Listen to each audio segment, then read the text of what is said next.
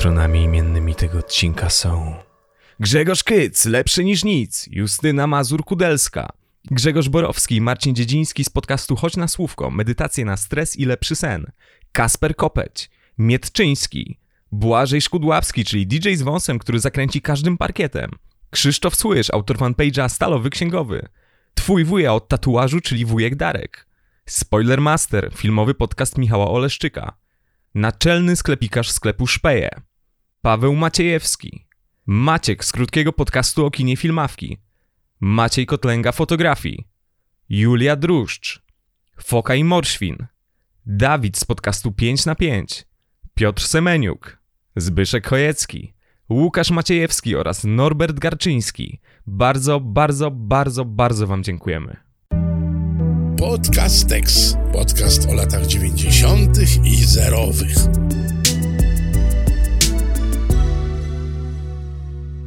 Cześć Mateusz, widzę, że dzisiaj nagrywamy w trójkę.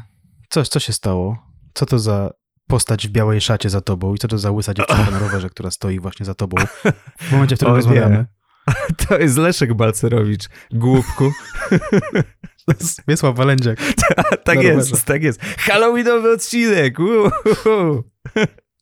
Suma wszystkich strachów. Dzień dobry. Dzień dobry. Słuchaj, czy jak tam świętowałeś Halloween? Za kogo się przebrałeś w tym roku? Jak co roku y, przebrałem się za terror siany przez y, dziką prywatyzację lat 90. To jest bardzo skomplikowane przebranie, ale bardzo, bardzo dobrze rozpoznawalne po prostu na polskich ulicach. Tak, proszę Państwa, to jest specjalne wydanie Podcasteksu. Podcastekst trochę halloweenowy, a trochę jednak wszystkich świętych, no bo wiadomo, że w Polsce to jakby nie da się do końca ani w w jedną stronę, ani, ani w drugą, tak na całego, tylko, tylko trzeba jakoś połączyć obie tradycje i oto jesteśmy, e, żeby mm, jednak tę polską tradycję troszkę kontynuować, a po trosze jednak ją przełamać, no bo tacy jesteśmy już przekorni, prawda, w tym wszystkim i tacy jesteśmy straszni, prawda? Straszni i filuterni, tak. Jednocześnie. To ciekawe, y, ciekawe, że mówisz właśnie, że, że u nas się nie da ani w jedną, ani w drugą. Tak, czyli w sumie ani się nie da do końca bawić, ani się nie da tak do końca smucić. Mhm. Więc co my robimy? My dzisiaj z Bartkiem cały dzień po prostu jeden na Rakowickim, drugi na Powązkach, po prostu zbieraliśmy cukierki z grobów. E, i, i, I w ten sposób dokonaliśmy magicznej hybrydy. Magia się wydarzyła w naszych serduszkach na Magia pewno. świąt, magia świąt, To jest prawda? ta słynna magia świąt. Tak, ale zanim jeszcze nadjedzie ciężarówka z Coca-Colą, proszę Państwa, mamy dla Was mamy dla Was odcinek halloweenowy, w którym będziemy rozmawiali o rzeczach, Mateusz, które, będzie, które powodowały gęsią skórkę na naszych e, nas, dziecięcych i nastoletnich Plecach. ciałach, prawda, w latach 90. i zerowych. E, co nas, co, czego się baliśmy, czego się nie baliśmy. O, Mateusz, czy na przykład Ty się bałeś e, kiedykolwiek mm, tej, tej czarnej wołgi PRL-owskiej, która tam, tego samochodu, czy, czy w ogóle cię tym straszono, czy nie? Czy, czy były jakieś takie strachy, których używano przeciwko tobie? Mm, te- Tego się nie bałem nigdy. E, Mam wrażenie, że to był już jakiś taki relikt absolutny, nie? Że, że ewentualnie Mhm. mój, mój starszy brat, to znaczy nie mam młodszego, e, ewentualnie on mógł tego typu rzeczy słyszeć. E, Jeżeli chodzi o tajemnicze postaci, które się pojawią nagle i coś tam, to to już jest dla mnie gorączka związana e, ze zbliżającym się rokiem 2000 i też e, z apokalipsą roku 99, bo to nie to samo. Nie mówię Mhm. o pluskwie, tylko mówię o, o przepowiedniach dotyczących apokalipsy. I oczywiście te legendy y, miejskie, te różne strachy, jak to zwykle bywa w takich sytuacjach, one się bardzo często zlepiały, nie? Albo się po prostu przepoczwarzały przez lata i, i pojawiały się jakieś takie nowe wersje. Nie, nie, Czarna Wołga nie. Ja to chyba w ogóle po raz pierwszy usłyszałem w piosence Heja.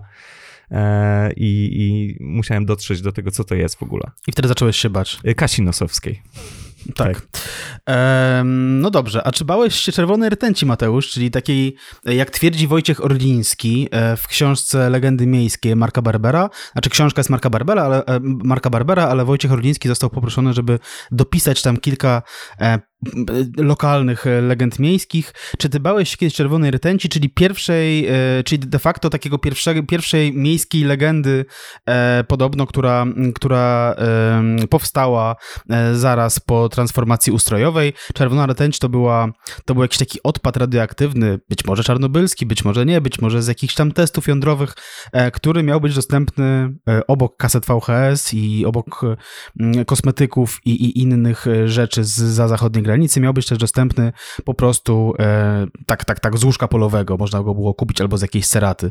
E, I potencjalnie można by było za jego pomocą skonstruować proszę pana, bombę na przykład. Ale numer. To, to nie ma żartów. No, no. I to jest właśnie jedna z tych takich legend, które być może przerażające w kontekście jakimś takim polityczno-terrorystycznym, ale tak dla dziecka to mam wrażenie, że to zupełnie nieangażujące, e, nieangażujące wyobraźni.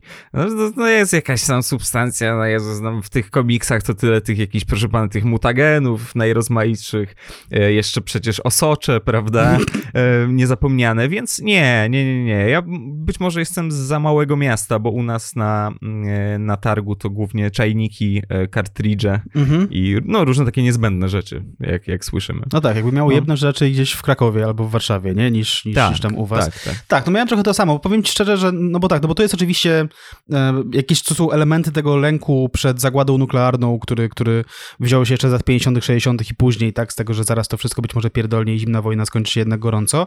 E, ja w latach 90. jako dziecko do mnie ten lęk nie dotarł. Ten lęk już raczej dzisiaj mi, mi towarzyszy raz na jakiś czas, jak się zastanowię nad sytuacją geopolityczną, e, ale ja się raczej bałem takiego końca świata, który był pokazywany w filmach i, i mam takie wspomnienie z dzieciństwa, że, że, że, że mm, bardzo dużo tekstów kultury dotyczących e, końca świata i takiego niewyobrażalnego y, momentu, w którym wszystko przestanie istnieć na raz z powodu jakiejś komety, obcych czy czegokolwiek, e, raz mnie doprowadziło do wymiotów e, w bardzo wczesnym wieku. W sensie, że to było zbyt wiele jak na mój e, małoletni umysł i poszedłem się zżygać po prostu, bo, bo się tak wystraszyłem. Jak na twój malutki żołądek po prostu. Też. To już jest kolej, ja kolejna...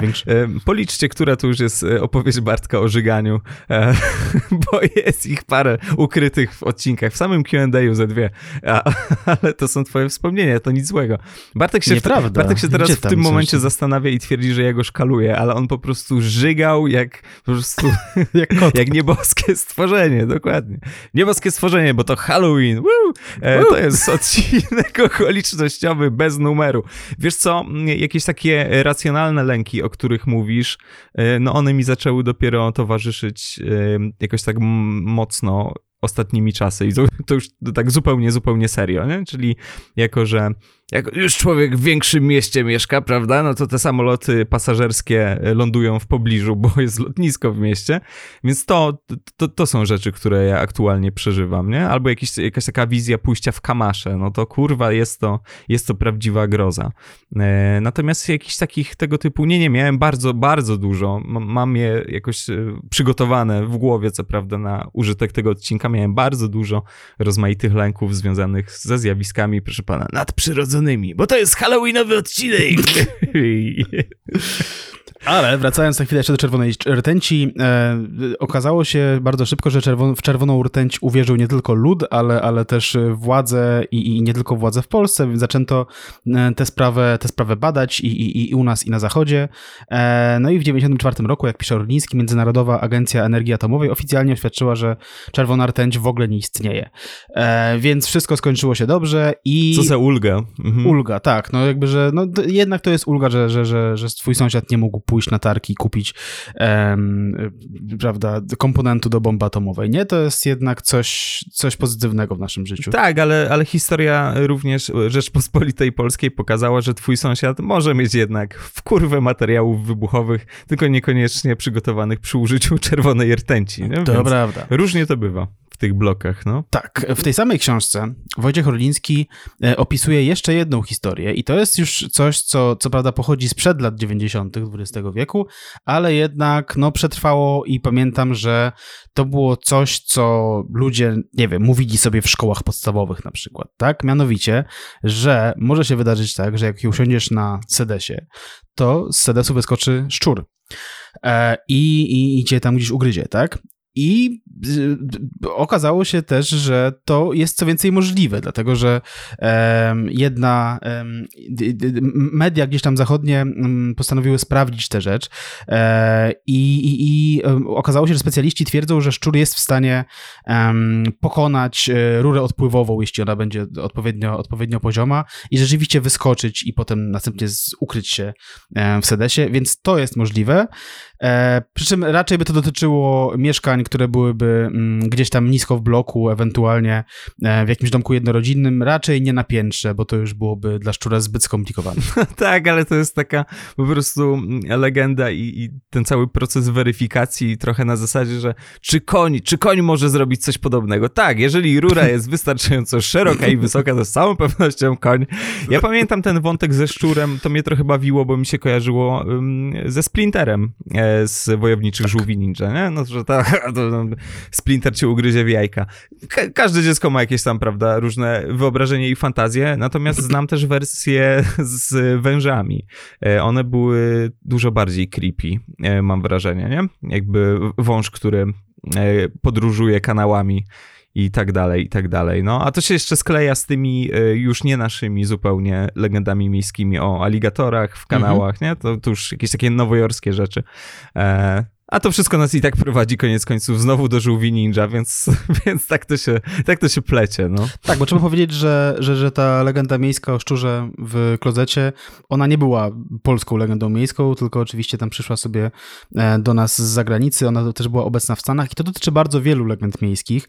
Tutaj e, interesujący trop tego rodzaju podjęła Olga Drenda w Duchologii, w rozdziale dotyczącym no, ezoteryki i spraw niewyjaśnionych, tak? W sensie jest, w latach 80 podobno e, zdarzało się, że ludzie mówi, opowiadali o, jakichś, o jakichś różnych postaciach. Czasami to była zakonnica, e, które mm, w komunikacji miejskiej wieszczyły e, rychły koniec świata i twierdziły, że to niedługo wszystko pierdolnie i, i, i w jednej z iteracji, prawda, tego, tego mema można powiedzieć tak naprawdę, e, ta, ta, ta zakonnica dostawała mandat od, od Kanara, który ją przyłapał bez biletu, a ta zakonnica mówiła, e, tam mandat, co tam mandat, jak i tak to zaraz wszystko wszystko będzie koniec świata, to się przejmować, co, przejmować się mandatem i w związku z tym y, współpasażerowie opłacili jej ten mandat, nie? Wiesz, co mi się podoba w tej historii? Podoba mi się to, że gdyby nie było kontroli biletów, to ona by się nie podzieliła z ludźmi proroctwem, więc jakby jesteś super profetką, nie? A, a propos, tak? To,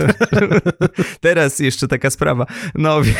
Nie, to mi się przypomina, wiesz, taką, taka, taka trochę pasywna agresja, wiesz, także, żeby jeszcze troszkę, nie masz pieniędzy na ten mandat ani na bilet, więc chcesz tak, tak, tak. zaszkodzić temu kanarowi, a wiesz co, i tak zaraz umrzesz, wiesz, jak tak, tak, tak, tak, tak, tak, tak, jak czasami robią właśnie beje w komunikacji miejskiej, że tam mandat i ktoś zaczyna taki rant na to, jakie to państwo jest chujowe i po prostu, mm. że nie da się żyć i tak dalej. No teraz już, już rzadziej się pojawi taki argument, że no nie da się pracy znaleźć, bo jest z tym y, dużo łatwiej e, niż jeszcze jakiś czas temu, ale, ale tak, to, to się z tym kojarzy. No tak, no 80sy, y, 90sy, które oczywiście nas bardziej interesują, to jest taki czas, jeszcze nawiązując do Drendy, no bardzo przejściowy, no jakieś takie po prostu mm, potrzeby związane z aktywnościami paranormalnymi, czy z jakimiś nowymi formami duchowości i tak dalej, no one się jednak uaktywniają głównie w takich momentach przełomowych, może kryzysowych, na to się wszystko jeszcze nałożył rozwój rynku wydawniczego i te wszystkie jakieś mikrooficynki, które prostu na potęgę drukowały jakieś dziwne pisma, proroctwa Sybilli i tak dalej, i tak dalej.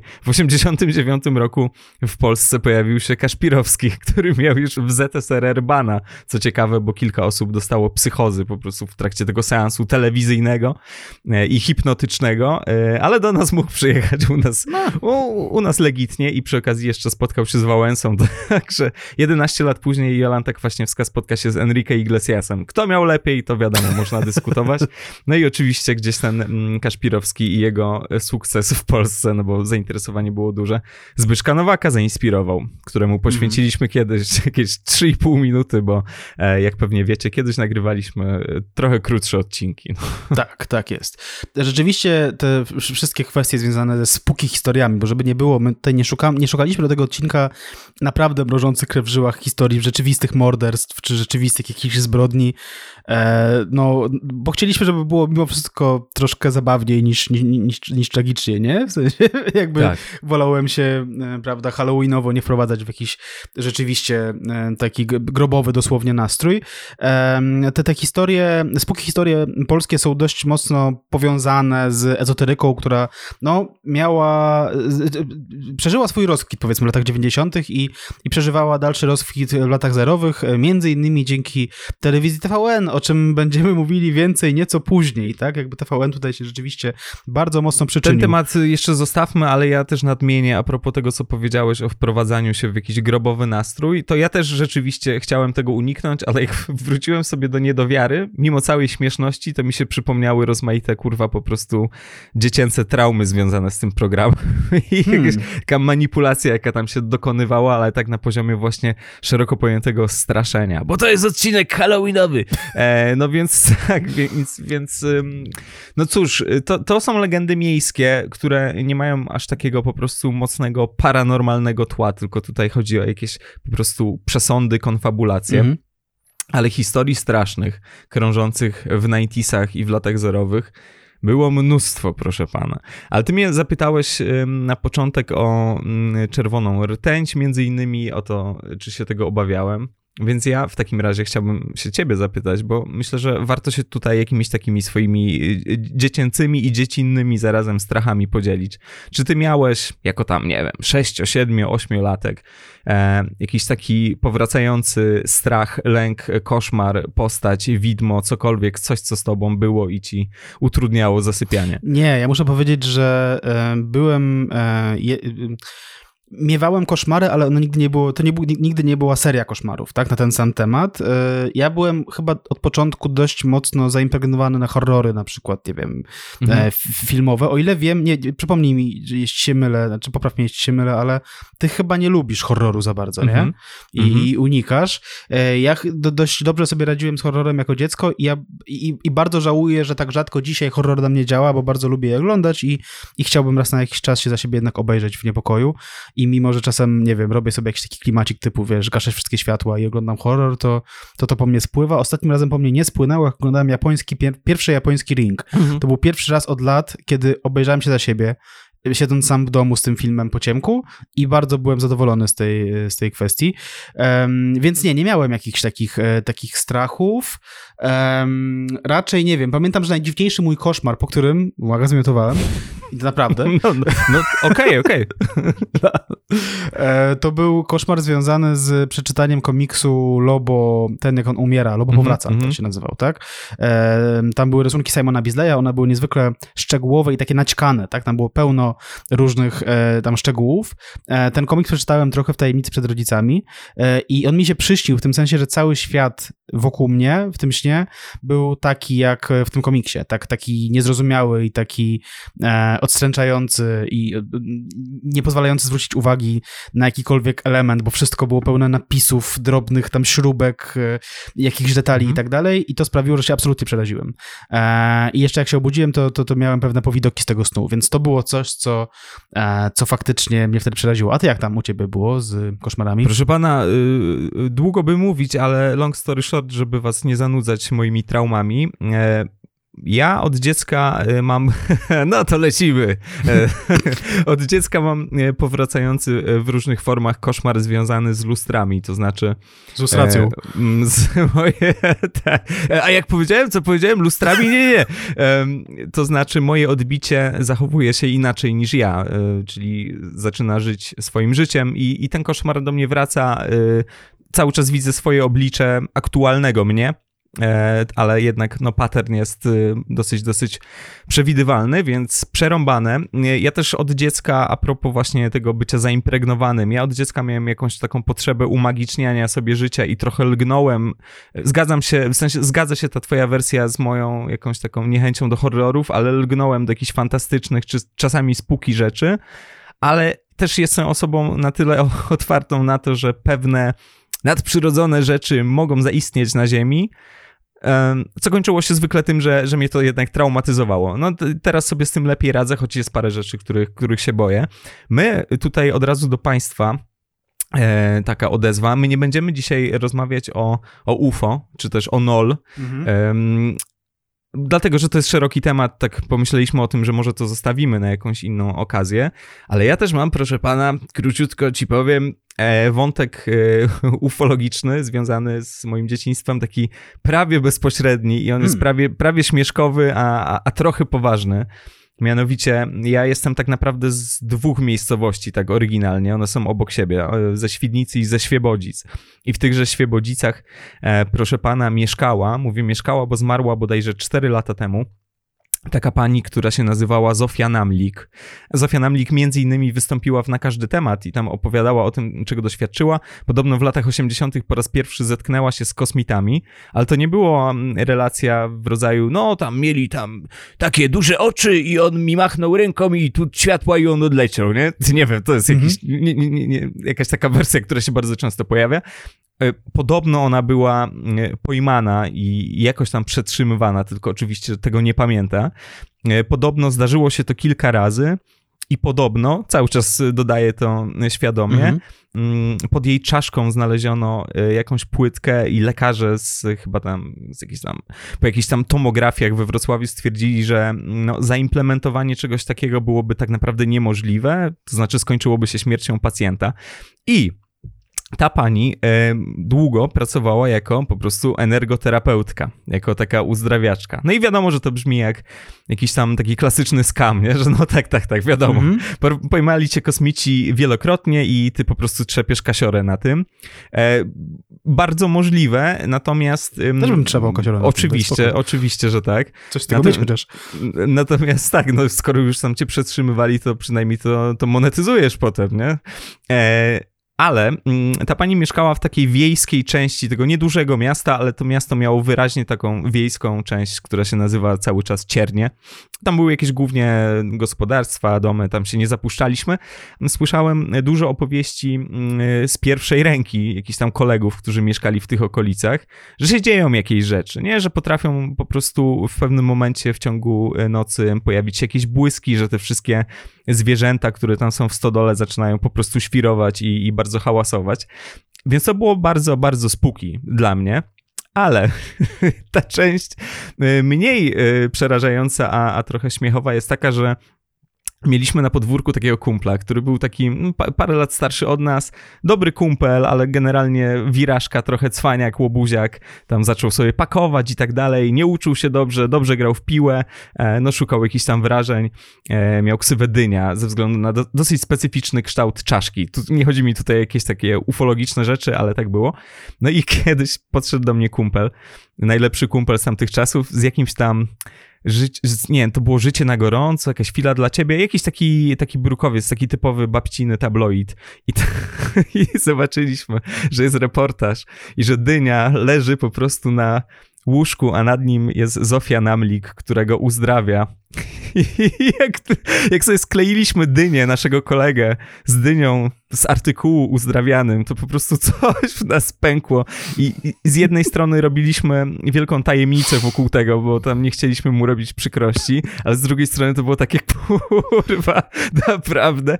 I tam były też informacje, i wtedy naprawdę poczuliśmy, że coś może być nie tak. Tam były informacje, że dynia od tego czasu po prostu, wiesz, świetnie się uczy, jakieś, minęły jakieś bóle głowy, o których my nie wiedzieliśmy. Może ich nie było, ale przede wszystkim świetnie się uczy, a my wiedzieliśmy, kurwa, że dynia tam znowu ma zagrożenie z, ośmiu, z ośmiu przedmiotów, tak. Więc to mm, stawia historię Zofii Namlik pod znakiem zapytania i wydaje mi się, że to trochę rozładowało w nas y, ten strach, jak zobaczyliśmy dynię w tym, w tym kontekście takim y, paranormalnym. No. A to już teraz za tobą widzę jakąś taką siwą kobietę, która strasznymi kurwami w ciebie rzuca. Nie wiem, czy to nie jest Zofia Namlik. Słuchaj, mieszkam do końca tygodnia z babcią. E, nie, nie, nie, nie, nie strasz mnie, bo to, to, to wiesz, y, jakiś racjonalny taki wątek, a już mam 33 lata, to jest jedno, a druga rzecz, druga rzecz jest taka, tak, że, że ja jestem, proszę pana, sam w mieszkaniu teraz, więc mm. tu nie ma żartów tak naprawdę, no. Ale serio tam jest? E, nie, nie ma to już, spokojnie, spokojnie, naprawdę. A, e, okay. Wiesz co, e, tak, e, ja muszę powiedzieć, że też wierzyłem w, w, w, powiedzmy w paranormalne rzeczy, bo szczerze mówiąc, ciężko było być dzieciakiem lat 90. i zupełnie nie wierzyć, dlatego, że te wszystkie narracje bardzo nas, e, nas otaczały. Raz, że UFO, ono, ono było wszędzie, tak? W sensie mainstreamowy mm -hmm. amerykański serial, po tym jak już przeminęło Twin Peaks, czyli, czyli, czyli Archiwum X, no właściwie dotykał tego tematu bardzo często. E, dwa, że rzeczywiście mm, bardzo wiele wokół mnie było tego typu narracji. Pamiętam, że była jakaś taka historia, że jedna z osób z mojej rodziny, e, najbliższej rodziny, wywoływała duchy w jakiejś tam też, oczywiście w jakiejś oborze, czy gdzieś tam z koleżankami i coś trzasnęło oknem i, i, i one wszystkie uciekły i do dziś są przekonane, o ile wiem, że, że to na pewno był duch.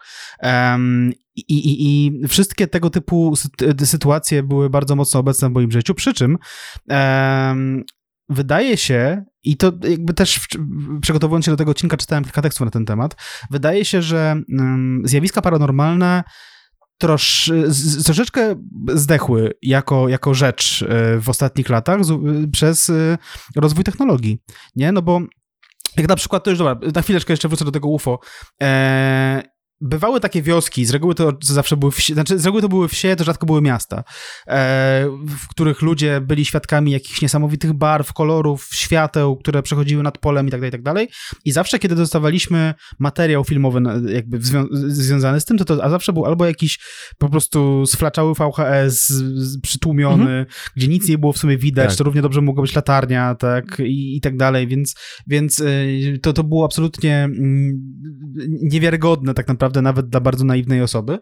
Um, a, a dzisiaj tak naprawdę wszyscy mamy wysokojakościowe, prawie wszyscy mamy wysokojakościowe kamery w kieszeniach, tak? I gdyby coś takiego się wydarzyło, no to w zasadzie łatwo bardzo byłoby to nagrać. I, i też wydaje mi się, że zainteresowanie tego typu um, kwestiami no, bardzo spadło. Tak mocno spadło w, w, w, w ostatnich latach. Być może też dlatego, że są inne rzeczy, którymi przejmujemy się obecnie tak globalnie e, i, nie musimy sobie tworzyć strachów tak jak w relatywnie e, tutaj podkreślam to słowo, spokojnych latach 90. i zerowych. Tak, tak, tak. No nie da się tego zbyć rzeczami na zasadzie, no, no nie nagrałem tego, jak miałem to nagrać. Oczywiście teraz są takie możliwości i raczej nikt się nie bawi w jakieś takie falsyfikowanie. No, oczywiście fałszuje się informacje i rozmaite inne rzeczy, ale w innych celach. A jakieś takie falsyfikowanie, żeby stworzyć wrażenie, że coś nadprzyrodzonego się wydarzyło gdzieś tam w jakimś przysiłku okolicznym, no to, to niekoniecznie, chociaż Powiem ci, że ja z kolei mm, przygotowując się do tej naszej rozmowy, trafiłem na mm, artykuł z Gazety Krakowskiej 2018 rok, czyli mhm. całkiem świeża sprawa. I to był artykuł, który nawiązywał do historii e, lasu, który się znajduje w Witkowicach. Witkowice znajdują się pod Krakowem, e, to są właściwie przedmieścia Krakowa. E, no i tam była taka historia, no, zabrzmi ci chyba znajomo. W 2001 grupa studentów poszła do tego lasu coś tam świętować. Mhm. Zniknęli, po prostu zniknęli. Mhm. Jacyś ich przyjaciele udali się tam, nie wiem, chwilę później zrobili jakieś zdjęcie, które po wywołaniu e, wskazywało na to, że ci przyjaciele tam są, te, te ich sylwetki były widoczne, mm, ale oni w tamtym momencie, bez tego obiektywu, ich nie byli w stanie zobaczyć. Policja oczywiście dała dupy z poszukiwaniami, nikt się tym nie przejmował, bla, bla, bla, bla. 2001, nie jakoś super dawno, nie? Mhm. przyznasz. Um, czyli byłyby jakieś kwity, ale mimo to w Gazecie Krakowskiej w 2018 roku zrobiono taki reportaż o tym, co, co w tych Witkowicach się tak naprawdę dzieje, nie? E, I zaproszono ekipę z Warszawy, e, Mystery Hunters, mm. i oni tam próbowali, wiesz, jakieś pomiary w nocy i tak dalej. I jest jakiś taki kompletnie bullshitowy artykuł o tym, że oni mówią, że no to różnie, że my tutaj nie mamy żadnych dowodów, raz coś jest takiego, ten, a raz nie ma. jakieś takie, po co to zrobiłeś? I generalnie były jakieś takie, takie różne mm, informacje dotyczące tych Witkowic, że ta wieś stoi na miejscu innej wsi, która kilkaset lat temu spłonęła, a to się zbiegło w czasie z pojawieniem się tam jakiegoś, jakiegoś takiego dziwnego, tajemniczego kultu i generalnie to w tym lesie po prostu co 15 minut ktoś popełnia samobójstwo. No i co za zaskoczenie, jest taki e, fanpage jak Anatomia Zła i tam jest taki dosyć obszerny post sprzed bodajże dwóch lat e, na ten temat. Mm, to jest creepypasta, to znaczy ta legenda mhm. lasów w Witkowicach jest po prostu creepypastą e, z lat zerowych.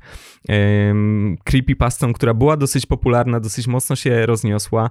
Nie było wtedy za bardzo narzędzi mm, jakiejś tam, wiesz, niesamowitej weryfikacji. Kontakt między ludźmi był mimo wszystko dosyć ograniczony. No i mhm. to się tak rozniosło, nie? I poważna, powiedziałbyś, gazeta, no lokalna, ale to jest, to jest normalny periodyk, ta gazeta krakowska, robi cały artykuł, mimo że można to absolutnie łatwo, łatwo zbić, mimo że oni doskonale wiedzą, że te Witkowice to, to nie jest jakaś odległa po prostu wioska w głuszy, tylko to są po prostu przedmieścia, czyli jakieś takie syp sypialniane klimaty, nie? Po prostu ludzie tam sobie mieszkają i dojeżdżają do pracy do Krakowa. A ten las w Witkowicach, przerażający las samobójców, to jest w ogóle kurwa park, w którym się przecinają trzy bodajże ścieżki rowerowe. Do hey, why not both, okay? Wiesz, jakby zupełnie ucywilizowane miejsce i w ciągu dnia tam po prostu są ludzie z rodzinami i jakby wiesz, wszystko jest przygotowane, ławeczki i tak dalej. E, więc to jest też ciekawe, że e, okazuje się, że mimo rozmaitych narzędzi, ta żywotność niektórych legend okazuje się, wiesz, tak naprawdę potężna, nie? Mhm. 2018 i, i jakiś dziennikarz pisze na ten temat chujowy, bo chujowy, ale jednak artykuł, nie? Tak, znaczy media głównego nurtu wydaje się, że bardzo mocno lgnęły do tego typu historii i one zawsze były jakoś tam kuszące, żeby się za nie wziąć. No tak swoją drogą, no przepraszam, ale Gazeta Wyborcza ostatnio e, ma jakiś taki strik po prostu artykułów dotyczących Halloween i, i tego, że są zagrożeniem duchowym i oczywiście idą do jakichś księży i ich pytają o to, czy to jest zagrożenie duchowe. No i jasne, to jest otwarcie się na szatana.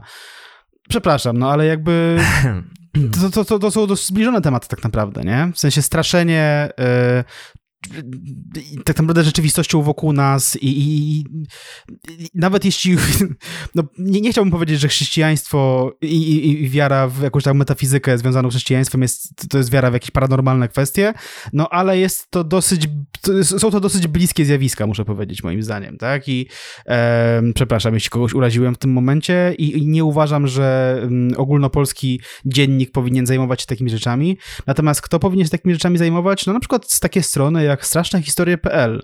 E, to jest coś, co ja odkryłem w trakcie przygotowań do tego odcinka. Znaczy, zdawałem sobie sprawę z tego, że coś takiego rzeczywiście istnieje.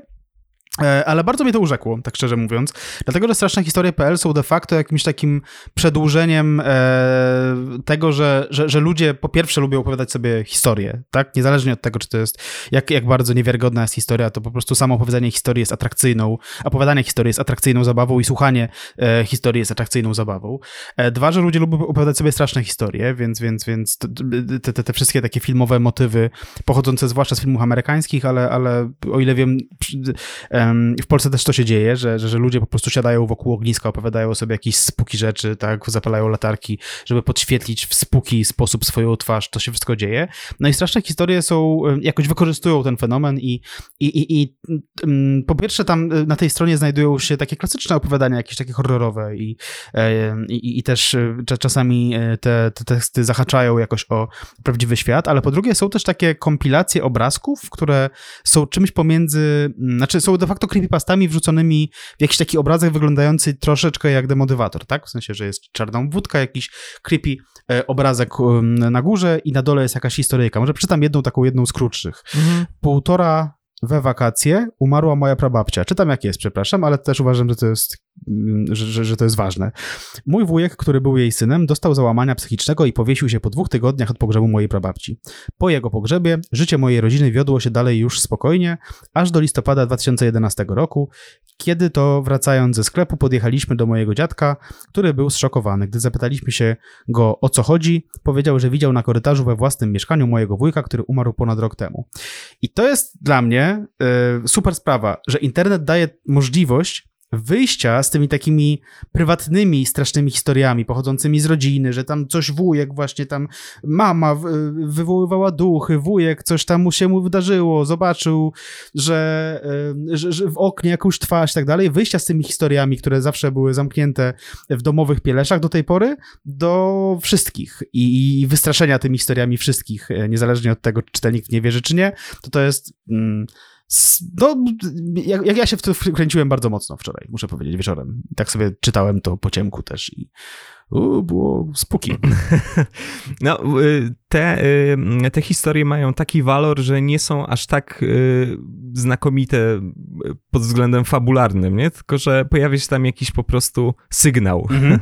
że, że coś tam. Jakby, tak. no tyle. To nie chodzi o to, że potem, no i potem weszła dziewczynka bez głowy mhm. i ona miała łańcuch w miejscu miednicy. No to, to, już jest dziwna historia, ale jakby wiemy o co chodzi, nie? Że jest bardzo dużo szczegółów i że to jest takie pełnokrwiste horror story, nie? A tutaj nie, tutaj coś się wydarzyło. Tam jest jeszcze jakaś taka mm, historia z zegarkiem, tak? tak? Że ten zegarek, zegar raczej zatrzymał się w momencie, w którym babcia tej narratorki zmarła i że potem nakręcali ten zegar, on chodził po prostu przez pół doby albo przez dobę i potem znowu się na tej godzinie mm, zatrzymywał i w sumie, y, wiesz, oczywiście można różnie do tego podchodzić, ale mm, myślę, że znamy wszyscy masę takich historii właśnie z pierwszej ręki, mm. nie? Mhm. Że ktoś ci opowiedział o tym, że no, ja na przykład się budziłem po prostu przez tam długi czas o 3.33. Tak. E, ja mam takie historie z pierwszej ręki, to nie jest moja historia, ale bardzo, bardzo zaufanej i bliskiej osoby, która nie,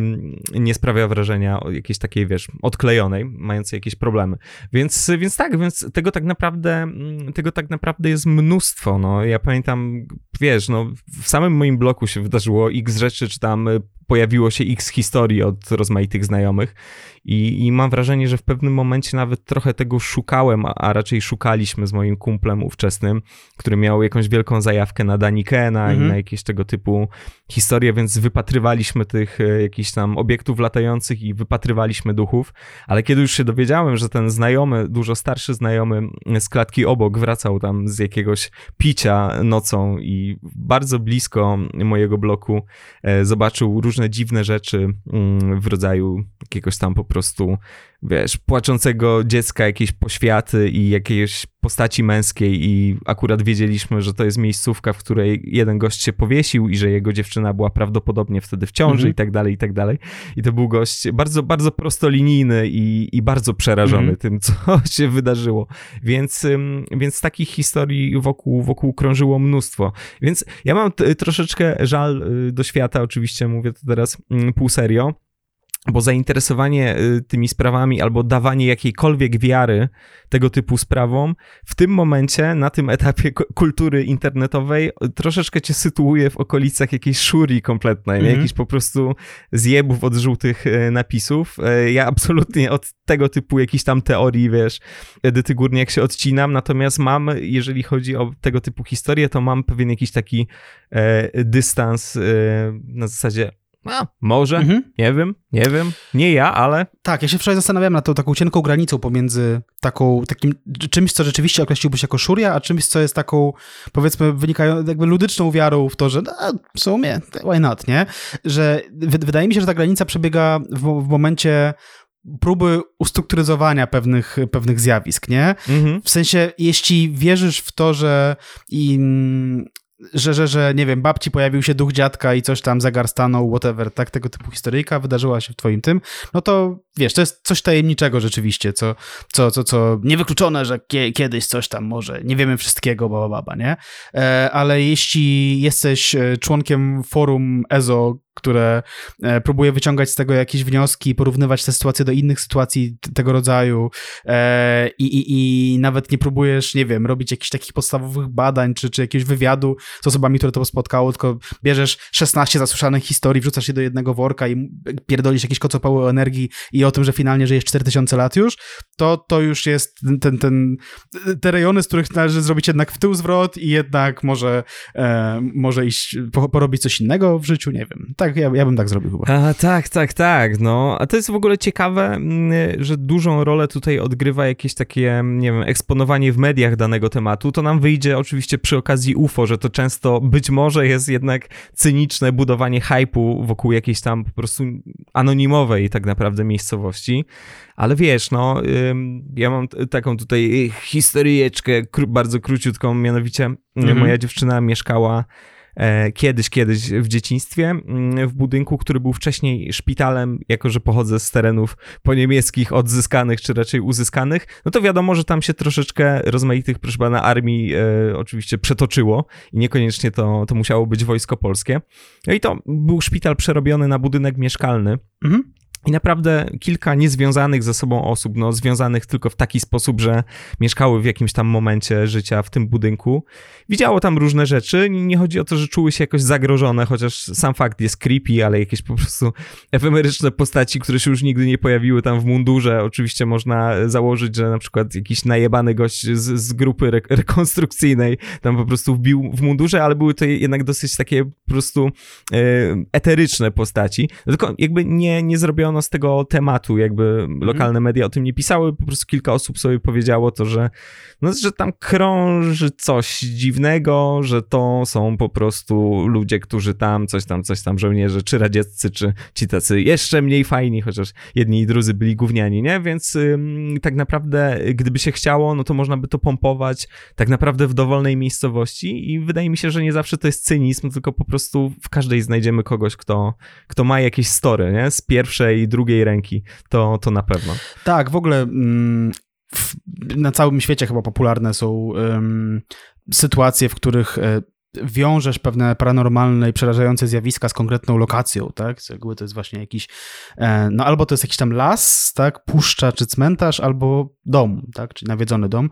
E, myśmy mm, przed nagraniem tego odcinka zapytali na naszej takiej grupie dla wspierających, dla patronów. Zapraszamy naszego patronajta! Halloweenowy odcinek, nie o tym, że że przydają nam się pieniążki. Dziękujemy bardzo wszystkim, którzy nas wspierają. Między innymi Julii Drusz, która, która na nasze pytanie, czy, czy, czy z waszych okolic jakieś znacie tam e, historie związane z, z, z, ze spóki rzeczami, e, wysłała nam wycinek z gazety, m, w którym jest opisany jakiś taki dom w Myszkowie, e, który został... Z... Ciężko stwierdzić, z którego to jest roku, ale wydaje mi się, że to są albo 90 późne, albo wczesne Zirosy. E, I też nie, nie za bardzo wiadomo, wiadomo, jakie to jest medium. W każdym razie to jest medium lokalne. No i tam podczas bezksiężycowej nocy widuje się w tym domu tajemniczą postać zajętą polerowaniem szyb od strony ulicy, mówi jedna z sąsiadek. Czyli to jest duch osoby, która przygotowuje dom do Wielkanocy. To jest moje prywatne piekło swoją drogą. Gdybym miał umrzeć i potem do końca życia myć z szyby, zwłaszcza od zewnątrz, że wewnątrz to jeszcze mógłbym przez wieczność, ale od zewnątrz kurwa mać, nie? No, to jest, to jest yy, nie, niewygodne. To jest tak jak u, u Dickensa, jak jest tam duch świąt i tak dalej, no mhm. to tak, to, to jest totalnie duch sprzątania mieszkania dla, dla Jezusa, no. To jest tak. to. Tak, dziękujemy Julii za ten, za ten wycinek. E, Michał Wojnarowicz z kolei nam e, e, napisał o tym, że w latach 90. E, w poznańskim prawdopodobnie pojawiła się jakaś taka wersja historii o czarnej wołce. E, mianowicie tutaj diabeł po, po wielkopolskich e, miasteczkach jeździł Mercedesem albo BMW. To jest ważne moim zdaniem, czy Mercedesem, czy BMW, no bo to są jednak takie powiedzmy tutaj dwie marki, które wzbudzają pewne konflikty wśród, wśród użytkowników, tak? To jest jak, wiesz, Xbox, PlayStation, tak? FIFA, PS i BMW czy, czy Mercedes. No w każdym razie ten diabeł jeździł albo jednym, albo drugim, albo przepraszam, oboma, nie wiem. Nie wiadomo. E, zatrzymywał się koło dzieciaków i pytał o godzinę. I teraz, e, jeśli, jeśli mu odpowiedziałeś, to wtedy o tej porze umarłeś. Dokładnie, następnego dnia. Więc to była taka legenda miejska, która namawiała dzieciaki do tego, żeby nie być życzliwymi dla osób, które na przykład zapomniały zegarka z domu. Tak, tak, tak. A ciekawe, czy, czy, czy dałoby się jakoś wystrychnąć tego diabła, proszę pana, jak w Pani Twardowskiej, że tam mówisz, nie wiem, 13 p.m. i on wtedy, a co to jest, nie ma takiej godziny i on znika.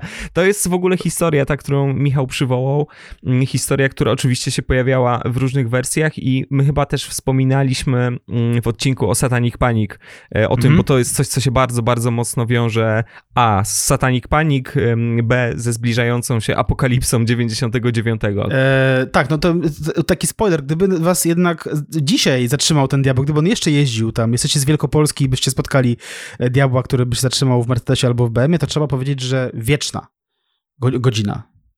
I wtedy diabeł odjeżdżał, wkurwiony. Ja się trochę nawet nie dziwię, bo to jest żadna odpowiedź, w sensie co to jest za odpowiedź, nie? No, no to jest właśnie to, tak jak, y, no tak, tak, tak, że można go zagiąć, no. Tak, wydaje mi się, no, że no. są, że, no nie wiem, i, i w Mercedesach i w BMW-ach już wtedy były po prostu zegarki, więc bez sensu. No, dobra. No, podoba mi się, wiesz co, podoba mi się, że Michał tutaj e, napisał, że, y, że wtedy diabeł odjeżdżał niepyszny, nie? że tak, a kurwa, dobra, bo widzę, że nie da się rozmawiać za bardzo. tak, tak. E, więc, więc tak. No i jeszcze była, Mateusz, e, opowieść o łysej dziewczynce na rowerze, nadesłana również na, na grupę prywaciarze przez e, Piotra Worobieja. Mateusz, czy, czy, czy, opowiesz o, czy opowiesz o tej dziewczynce może? Skoro ona już jest u ciebie w pokoju, to, to, to powiedz o niej coś więcej. Wiesz co, mi się to kojarzy w ogóle na ścieżce dźwiękowej Wesela Smarzowskiego jest ukryty numer. Trzeba go puścić od tyłu i to nie jest teraz jakieś takie, że My Sweet Satan, tylko jak się puści to tyłu, to jest po prostu zlewowy monolog Pawła Paulusa Mazura, który naśladuje taką weselną konferencjerkę i mówi jakieś kompletne baliwernie, nie? Mhm. Że no teraz zapraszam tę dziewczynkę tam z radiem zamiast głowy czy coś tam. To łysa dziewczynka na rowerze dla mnie brzmi dokładnie w ten sposób. Jest to bardzo wykręcone, to jest Historia e, z miasta Kędzierzyn-Koźle, e, z Opolszczyzny. E, tam jest osiedle Piastów, które mm, jest okalane przez las, czyli mamy konflikt między naturą a cywilizacją. I ta łysa dziewczynka na rowerze rzeczywiście podobno tam krąży i straszy i jak zwykle powstało sporo wersji. Jedna jest taka, że to dziewczynka po prostu z czasów II wojny światowej, która została zamordowana przez swojego ojca. E, drugie info jest takie, że to jest dziewczynka zamordowana przez mm, czerwonoarmistów, no i jeszcze dodatkowo skrzywdzona, to już nie, nie dodawajmy tych szczegółów niepotrzebnych. W każdym razie był swego czasu mm, w Kędzierzynie jakiś hype i, i, i jakieś takie mikrośledztwa e, dokonywano. Tam chyba ktoś z lokalnej gazety poszedł z aparatem i potem go pytano, no i co tam zrobiłeś to zdjęcie? A on odpowiedział, a co, myślisz, że ona myślała, że ten z gazety przychodzi, że się tak pokaże? W każdym razie e, niektórzy sobie dworują. Dzieciaki tam podobno latały po tym lesie i krzyczały, że, że kupią jej BMX-a. Niektórzy się boją, ale, ale ten temat y, lokalnie jakoś tam zaistniał podobno mocno. No. Tak, to jest historia z 2008 roku. To jest taki e, bardzo mm, zabawny fragment z NTOPL. To jest nowa, nowa Trybuna Opolska. E, I w tym fragmencie jest, e, jest mowa o bandach rozwydrzonych nastolatków, które tam po prostu jeździły i chodziły po lesie i wydzierały że, się, że kupią tej dziewczynce BMX-a. Dodaje dziennikarz, nie wszyscy są trzeźwi. To skandal, uważa Adam Lecibil, dziennikarz Radia Park, autor audycji na temat zjawy, która nakręciła w mieście spiralę strachu. W ducha można wierzyć albo nie, ale najprawdopodobniej w tym miejscu doszło kiedyś do jakiejś tragedii. Dlatego trzeba to uszanować, przynajmniej się tam nie wygłupiać.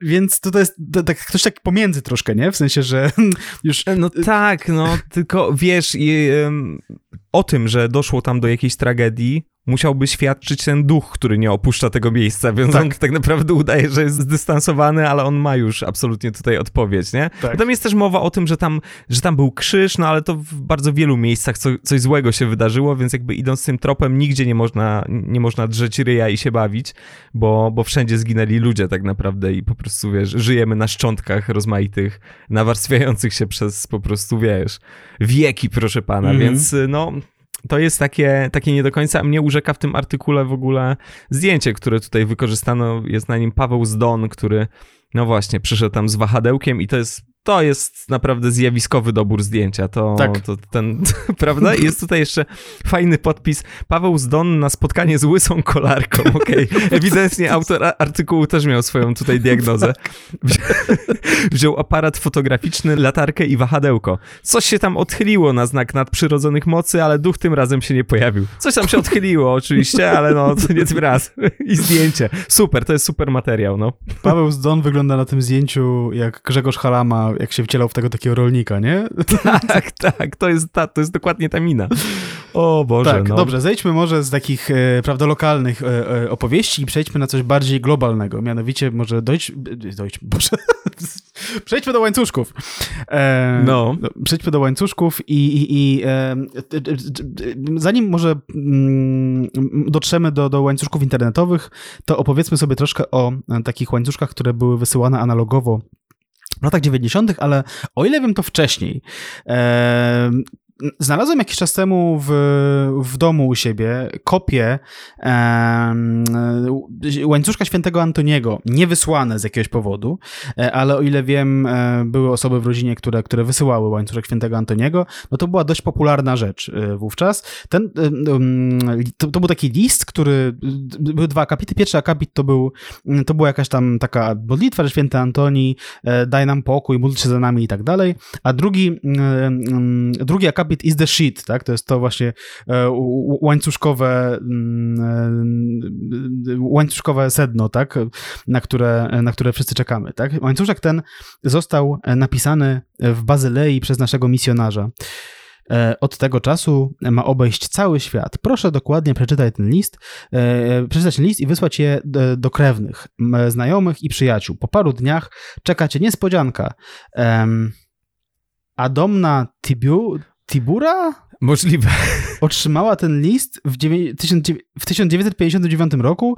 Jej sekretarz sporządził 20 kopii, po paru dniach wygrała 2 miliony dolarów jakby nie wiem, jak już miała sekretarza, który za nią to zrobił te, te 20 kopii, to wydaje mi się, że te 2 miliony mogły trafić trochę lepiej, ale dobra. E, Jean Ternet otrzymał ten list i wykonał polecenie po 60 dniach, przedtem zapomniał o nim i stracił pracę. To rzeczywiście było straszne w latach 90., nie? Stracić pracę. To, to rzeczywiście jest spuki historia. Odnalazł list i dostał pracę. I, i tak, i, i to było rozsyłane po ludziach. O ile wiem, myśmy ten list dostali chyba w domu dwukrotnie nawet, czy trzykrotnie, nie? Więc y, działy się takie rzeczy, no i oczywiście, że łańcuszkomania y, bardzo płynnie przeszła do lat zerowych i e, zaczęto wykorzystywać nowe technologie, nie? Tak, Mateusz? ale tutaj jest jeszcze jeden ważny wątek, y, mianowicie, jako że tutaj jest to łańcuszek nie byle jaki, tylko łańcuszek świętego Antoniego, to tutaj mamy jakieś takie zjawisko dosyć powszechne w kontekście tych jakichś wszelkich paranormalnych rzeczy, czasami po prostu totalnie irracjonalnych, te wszystkie jakieś takie, wiesz, właśnie proroctwa, takie broszurki, jakieś tam mhm. Y, bioenergoterapia, mm, że to są rzeczy jakby z punktu widzenia kościoła katolickiego i z punktu widzenia tego oficjalnego stanowiska, to są rzeczy nieakceptowalne, nie? To mm, z jednej strony mhm. Mm, Kościół twierdzi, że to jest albo bzdura, albo czarna magia, a jakby oficjalnym stanowiskiem Kościoła katolickiego jest też to, że magia istnieje i że czarna magia jest czymś przypisanym po prostu siłom demonicznym, nie? Bo tak jest, Kościół nie mówi, że nie, nie, nie ma w ogóle jakichś tam kurwa czarownic czy coś tam. Nie, mówi po prostu to jest złe, to jest szatańskie i tego nie ruszaj. A bardzo często to idzie w parze, jeżeli chodzi o osoby wierzące, tak naprawdę. Że bardzo mhm. często tego typu, no właśnie, tak jak z tymi łańcuszkami, nie? Jakiś po prostu kompletny bullshit i zwykle ludzie jednak nie widzieli żadnego konfliktu między jakąś taką, wiesz, swoją wiarą e, i stanowiskiem kościoła, a jakimś takim po prostu irracjonalnym, czy to magicznym, czy jakimś takim wróżbiarsko, new age'owo, cholera wie jakim e, bullshitem. Ja miałem sąsiadkę wiele, wiele lat, jakby bardzo przychylna nam osoba i dobra, ale totalna dewota. I y, jej córka była wróżką w Austrii i leczyła jakimiś foliami kolorowymi. Mhm. mnie też próbowała, po czym trafiłem do szpitala na trzy tygodnie, ale to po prostu stąd sceptycyzm. I wiesz, jakby ona nie miała z tym żadnego problemu, ona też się leczyła wedle tego, co jej ta córka wróżka, to taka była wróżka, wiesz, w takim białym y, tam żakiecie i tak, tak elegancka wróżka, nie taka, wiesz, czy, czy, czy. E, nie, jakby spoko, nie? Jakby w ogóle, no bo z jednej strony to jest logiczne, że jeżeli otwierasz się na takie rzeczy, że jest ten świat duchowy, nie? I że Chrystus, bebe, i że dusza i bebe, no to jesteś w stanie uwierzyć w to, mhm. że dzieje się coś jeszcze innego, nadprzyrodzonego, no ale jednak twój kościół, twoja wiara to potępia oficjalnie, nie? Ale to, to a, to się, to się dzieje jakby obok, nie? To jest temat rzeka w ogóle, tak? Były jakiś czas temu, yy, znaczy nieraz były robione takie badania dotyczące tego, jak polscy katolicy traktują yy, kwestie absolutnie niezgodne z katechizmem Kościoła, yy, czy z oficjalnymi dokumentami, które wystawia Watykan. E, I, I rzeczywiście tam zaskakująco wiele było, nie wiem, osób, które wierzą w niebo, ale nie wierzą w piekło, albo które jednocześnie, nie wiem, chodzą do kościoła i uczęszczają, ale wierzą w reinkarnację no, tak działa tradycyjna, tra, tradycyjna e, wiara, nie? Jak poznałem w liceum mm, jakoś e, mm, protestantów miejscowych, tak? Którzy, którzy musieli przejść tę drogę, żeby raz, że często porzucić katolicyzm, a potem wziąć się za, e, za dosłowne czytanie Biblii i tak dalej, i tak dalej, e, to, to u nich to było bardzo źle widziane, wiara w jakiekolwiek gusła, tak? Dlatego, że oni byli tymi nawróconymi chrześcijanami, w przeciwieństwie do tych wszystkich, e, do tego, tego głupiego ludu, który, który mm, wierzy w to, co tam zasłyszał i tak dalej, i tak dalej, tak? E, więc tutaj wydaje mi się, że niektórzy księża na wsiach musieli mieć ciężko z, powiedzmy z jeśli chodzi o próbę debunkowania niektórych, e, prawda, przesądów, w które, w które wierzyli miejscowi. Tak, no to wiesz co, to przejdźmy w takim razie, albo raczej wróćmy do łańcuszków rzeczywiście, bo mhm. tutaj się dokonała jakaś fenomenalna zmiana, jeżeli chodzi o medium. Tutaj mamy przepisywanie po prostu na maszynie poprzez kalkę, robienie tych kopii. No ale pewne narzędzia, które się pojawiły trochę później, bardzo ułatwiły przesyłanie łańcuszków dalej i bardzo ułatwiły tworzenie tych łańcuszków i, i popularyzację tychże. Tylko się wtrącę, e, Secret Service kiedyś e, opublikował łańcuszek na swoich łamach. Dostali łańcuszek do redakcji, oni opublikowali go i stwierdzili, że to się liczy jako wysłanie tam e, iluś tysięcy kopii, to było całkiem zabawne. No liczy się, liczy się, bo jeżeli wydrukowano x egzemplarzy, no to to były osobne kopie, które trafiały zazwyczaj do, do różnych ludzi, więc absolutnie oni załatwili temat niesamowicie. Można znaleźć taki artykuł z Super Expressu z, ze znakomicie dobranym zdjęciem, bardzo jest przyjemne. To jest artykuł z 2014 roku i tutaj są rozmaite takie przykłady. Na przykład e, Vigereno Sietino. Jeśli, jeśli to przeczytałeś, to w ciągu 12 godzin twoi rodzice umrą. Aby tego uniknąć, prześlij to jeszcze do 20 pytań. Czytam tak, jak jest. E, oczywiście przeczytałem to, więc co, co z tym zrobicie teraz, no to i co z tym my zrobimy, no to jest jakby osobna sprawa. Tak, my, my jesteśmy, jesteśmy czyści, Tak, nie? tak, tak. No właśnie, my to puszczamy dalej, nie? Więc to jest bardzo, bardzo ten... Pozdrawiam. Węzeł, a, a, może macie ochotę na węzeł śmierci. Jeżeli, przeczytałeś, jeżeli przeczytałeś już słowa raz Raz koster fraum moja śmierć jest początkiem węzła śmierci, spoczywa na tobie klątwa. Szybko wyślij to do 15 osób, a klątwa zniknie. Więc widzicie, no jakby jak się robi podcast, to jest dużo łatwiej, prawda? Bo jest pyk, e, a wy się będziecie z tym męczyć, także przepraszam. Natomiast tego typu przykładów jest sporo, no i tego typu rzeczy, oj, były popularne w komunikatorach takich jak gadu gadu. Jezus Maria. Ja, ja nigdy, nigdy się nie podjąłem przesyłanie tego dalej. Mm -hmm aż tak nie wierzyłem w to, że rzeczy nadprzyrodzone mogą działać w ten sposób, ale wiem, że miało to swoich sympatyków. No. Ja miałem raz dyskusję taką w, w domu, czy wysłać, czy nie. Ja nie chciałem wysyłać, bo dostałem na maila jakąś taką bzdurę i to, to, to był jakiś taki łańcuszek z clearly przerobionym zdjęciem z jakiegoś lasu, oczywiście japońskiego, gdzie za plecami e, jakichś dwóch chłopaków między drzewami tam była jakaś zmora, e, która tam była dodana w jakimś pewnie wczesnym korelu, czy, czy, czy, czy w czymś dość niezdarnie. E, no i oczywiście, żeby tam wysłać się dalej, dlatego że ta zmora do ciebie przyjdzie i coś tam ci zrobi. E, I ja nie chciałem tego wysyłać, no bo to trochę siara, nie? W sensie już wtedy byłem tam pewnie mm -hmm. w mhm. gimnazjum albo w liceum, no, no nie wiem, nie? W sensie to, to, to, nie jest e, to nie jest najfajniejsza rzecz, jaką można sobie zrobić dla, dla swojego wizerunku, powiedzmy, w, w, wieku nastoletnim. E, no ale miałem taką dyskusję w domu, czy, czy, czy by jednak tego nie wysłać i, i, i pamiętam wtedy chyba e, e, skłamałem, że wysłałem finalnie ten, ten, ten łańcuszek, więc, więc no. E, no i żyję, i żyję, ale co to za życie w sumie, więc może powinienem jednak wysłać. Dzisiaj nagrywam no podcast, tak, więc... no. No właśnie, nie? To, to, to jest to. Czy, czy rzeczywiście wszystko poszło tak, jak powinno? No, Трудно. To co? Przechodzimy do, prawda, telewizji, która ma bardzo wielkie zasługi w kwestiach paranormalnych, nie? Znaczy w ogóle podkreślmy, że wracając do tego momentu przełomu, no to się pojawiło w jakimś takim szerszym obiegu sporo jakichś takich produkcji, czy to rodzimych, czy, czy importowanych, bo też pamiętajmy o tym, że z jednej strony ich pojawienie się wynikało z zainteresowania tymi dziwnymi sprawami, a z drugiej strony nakręcało to zainteresowanie, nie? Bo pamiętajmy, że e, z Archiwum X, gdy pojawiło się w Polsce, no to leciało w dwójce, więc jakby mm, rzecz z mocnym zasięgiem i to jest tam co 96, o ile, o ile się tutaj nie mylę.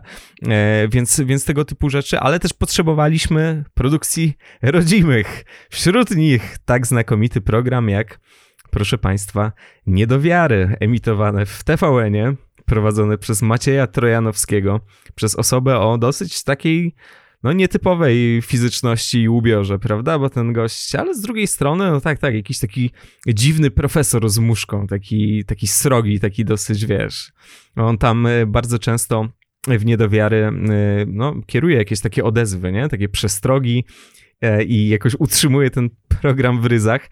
No i wracaliśmy sobie z Bartkiem rzeczywiście do tego programu. Tak jak mówiłem, mnie, e, mnie tam kilkuletniego, tam ośmioletniego niech będzie, mnie ten program przerażał, bo on jest oparty na po prostu nieprzerwanej manipulacji.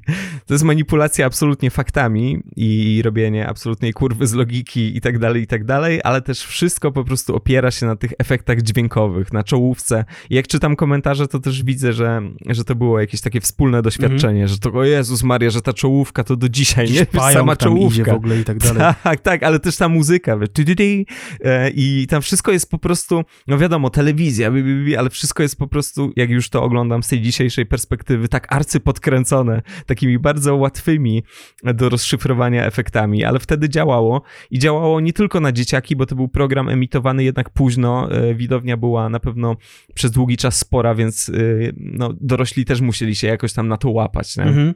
Tak, ta czołówka swoją drogą jest bardzo wyraźnie inspirowana czołówką do Archiwum Mix, które wtedy było po prostu popularnym, popularnym serialem i, i z grubsza to właśnie polegało na tym, że były takie niby przypadkowe, ale w sumie nieprzypadkowe, trochę tajemnicze, a trochę nietajemnicze, zależy jak na to spojrzeć, obrazy, jakiś, a tu jakiś pająk idzie, a tu jakiś oko czyjeś, twarz z tego, nie? I niepokojąca muzyczka w tle. E, sam Trojanowski swoją drogą to, to w ogóle nie jest jakiś taki gościu wywodzący się z tych środowisk e, szurskich, o ile wiem. Wikipedia twierdzi, że, że, że, jest, że ma wykształcenie ścisłe. Tak? Skończył chemię na Politechnice e, Warszawskiej.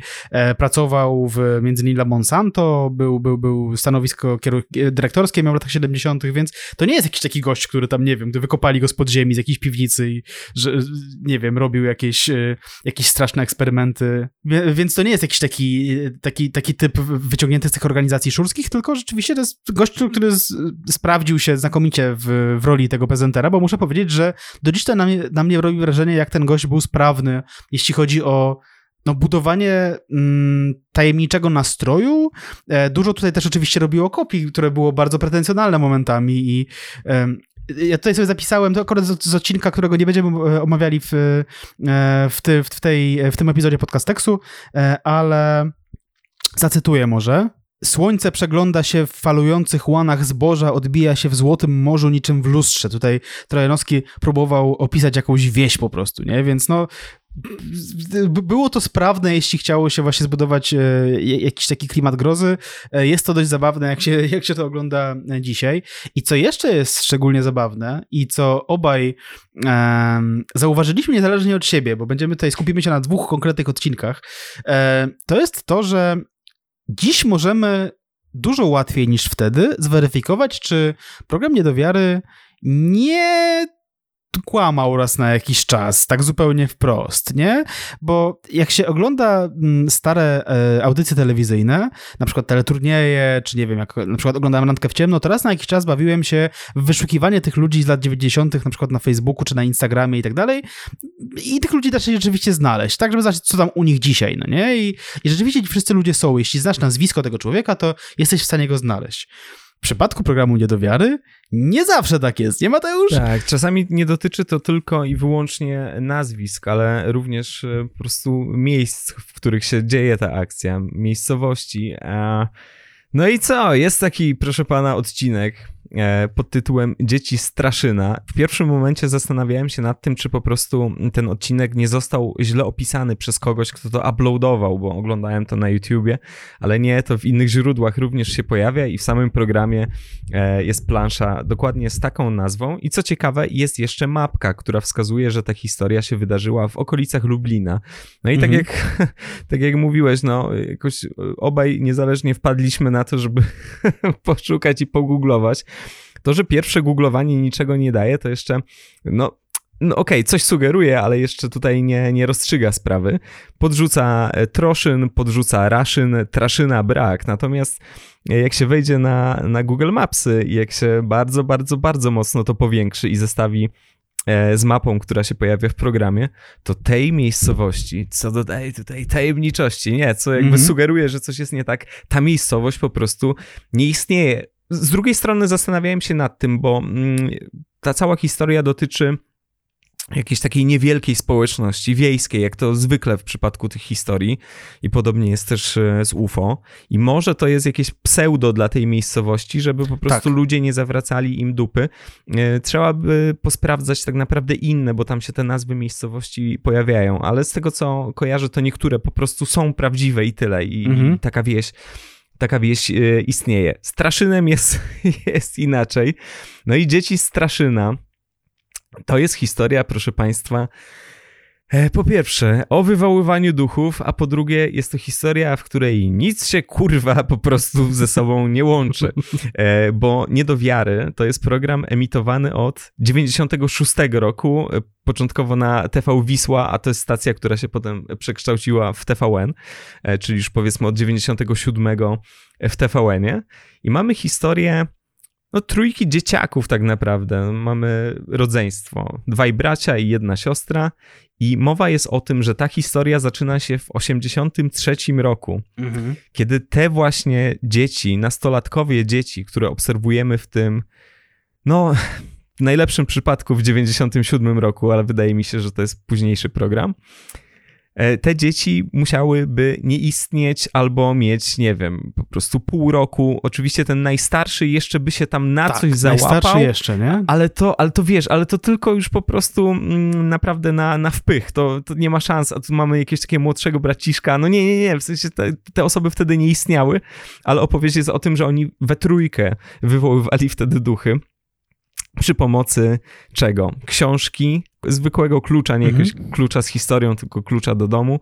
E, no i gumki, to wszystko zostało połączone i zaczął się ten seans. I świecy jeszcze. I świecy oczywiście, świeca tutaj była potrzebna. Zaczął się ten seans. Wywoływano, to jest bardzo y, oryginalne, ducha Marii Konopnickiej, E, dzieci w 83 roku wywołują akurat ducha Marii Konopnickiej, żeby, nie wiem, jej nawtykać, nie, nie, nie wiem o co chodzi.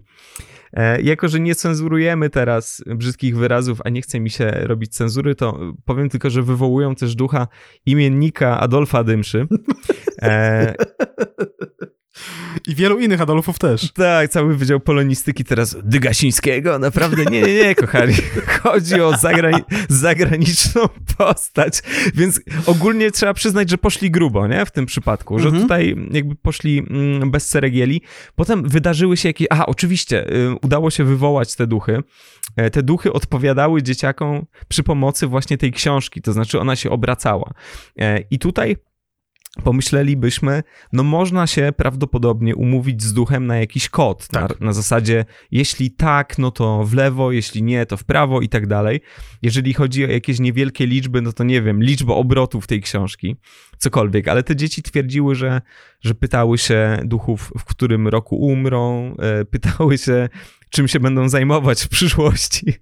Co już by było trochę problematyczne, a nie ma tam absolutnie wzmianki, że był jakiś inny sposób komunikacji niż ta książka, nie? Znaczy można domniemywać, czy na przykład pytały, czy będę z Dunem, czy będę krawcem, czy będę prezenterem niedowiary, nie? I wtedy duch mówił nie na przykład. Wymieniały wszystkie zawody świata wtedy, no. Jakie to jest w ogóle, jesteś tym duchem Marii Konopnickiej. Znaczy, dobra, jak jesteś duchem Marii Konopnickiej, Konopnickiej to zakładam, że jesteś dość niszowym duchem, jeśli chodzi o, o, o e, wywoływanie A że masz takie, duchów, no, w końcu, Jezu, i ona się ubiera. Coś, Jezus, to, to... Ostatnim razem 30 lat temu, nie?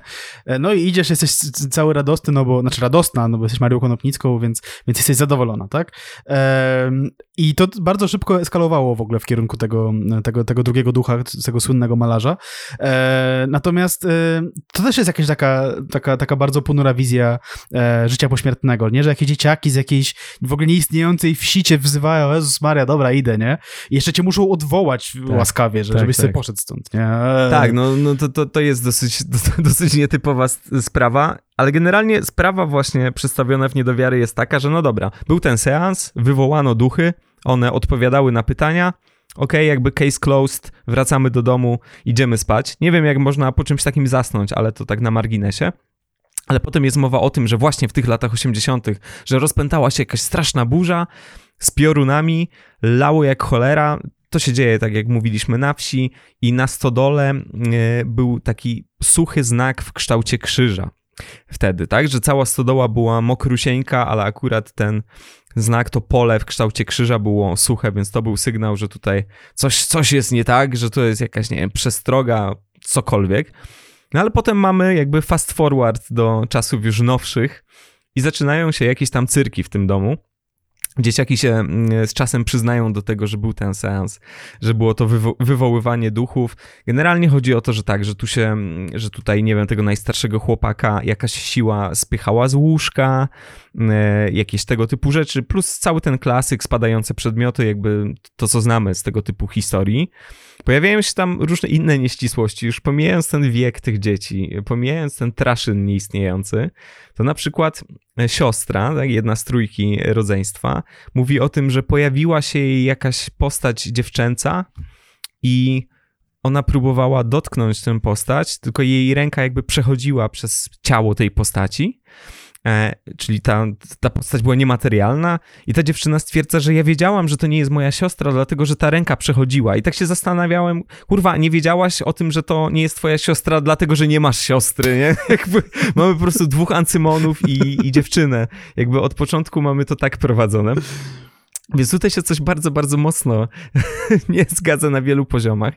No ale kto przychodzi z pomocą? No z pomocą przychodzi bardzo oryginalny egzorcysta, trzeba przyznać. Tak? W końcu właśnie ekipa niedowiary, mają, tam zresztą jest gość w takiej um, kurtce NDW, jakieś takiej po prostu, wiesz, brzmi to bardzo, bardzo truskulowo i, i rapowo.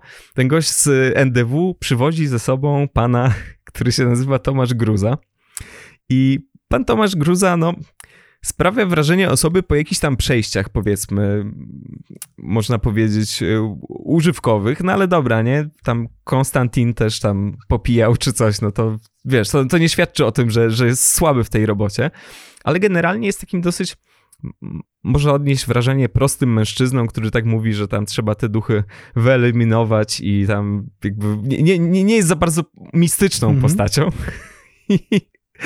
Pojawiają się tam sceny, aha, bo konkluzja jest taka, że trzeba zrobić nowy seans, ściągnąć te duchy z powrotem i jakby oddalić, zamknąć, tak? E, więc zarządzono, że w tej samej stodole, w której odbył się pierwszy seans, odbędzie się kolejny. I ten pan chodzi z, różdżko, z różdżką i ona po prostu strasznie lata, ale ten pan wygląda jakby był w jakimś takim bardzo delirycznym stanie. Naprawdę ten wątek alkoholowy, mam wrażenie, że tam jest jakoś cały czas ta aura się się, się, się jakoś wokół niego unosi. No i mamy typowe numery z niedowiary. Mianowicie jest ten seans, on się przedłuża, tam trwa 150 godzin, tam chyba 3 godziny, ale oczywiście tak, oczywiście lektor mówi o tym, że no i w pewnym momencie wydarzyła się niespodziewana rzecz, to znaczy w całej stodole zgasło światło. I sprytna sztuczka montażowa nadeszła. Prawda? I oczywiście, ale na szczęście byliśmy przygotowani na taką ewentualność i mieliśmy ze sobą kamery noktowizyjne i klasyczny noktowizor z niedowiary, bo wszystko jest wtedy straszne, no bo, bo tak działa, tak działa ten obraz. W każdym razie tak, te żarówki oczywiście wybuchły, ale ciekawy jest ten moment, w którym pan Tomasz Gruza, e, egzorcysta, jakby oddala, zamyka te duchy. Mianowicie on nie nie wypowiada żadnych formuł, nie mówi niczego za bardzo, tylko staje nad tymi dziećmi, rozkłada dłonie, tam ma fingla na palcu, takiego dosyć, y, dosyć sporego, mm. skupia się i zamyka i oddala, nie? I Wygląda to oczywiście wszystko super bullshitowo, no nie da się ukryć, ale podoba mi się to, że tak, po pierwsze, że ludzie a propos tego, o czym była mowa, rozkminiają, gdzie jest teraz Tomasz Gruza i tam ktoś w komentarzach pisał, że no sprawdziłem tam na Facebooku i mm, Tomasz Gruza jest mechanikiem. Wydaje mi się, że wtedy też był, że to było absolutnie jego, absolutnie jego hobby, ale też ludzie, którzy wierzą w zjawiska nadprzyrodzone tak na maksa, rozkminiają na przykład, pojawia się tam taki komentarz, że tam w ogóle, ej, to, to jest jakiś Hochstapler, to nie jest żaden egzorcysta, tylko to jest mag nekromanta, i że nic dziwnego, że wybuchły te żarówki, bo on po prostu on nie oddalił tych duchów, on nie zabezpieczył tego miejsca, tylko on te duchy wciągnął, jakby przyjął ich moc i oczywiście pomógł w ten sposób tej rodzinie, ale no, miał w tym też swoje korzyści, nie? I to jest po prostu, wiesz, totalnie magia internetu, że z jednej strony masz gościa, który rozkmina, hehe, sprawdziłem, sprawdziłem na Facebooku, e, on jest mechanikiem, a z drugiej strony jest gość, który stwierdza, to nie jest egzorcysta, to jest nekromanta po prostu, mhm. on się żywi tutaj energią tych, tych zmarłych dusz i, i tak sobie, wiesz, działamy. Nie? Tak, widocznie te, te, te, te duchy mu, y, które wessał w siebie, pomagały mu w byciu lepszym mechanikiem samochodowym, tak? No bo prawdopodobnie tak to działa. Tak, muszę powiedzieć, że mnie bardzo ten odcinek.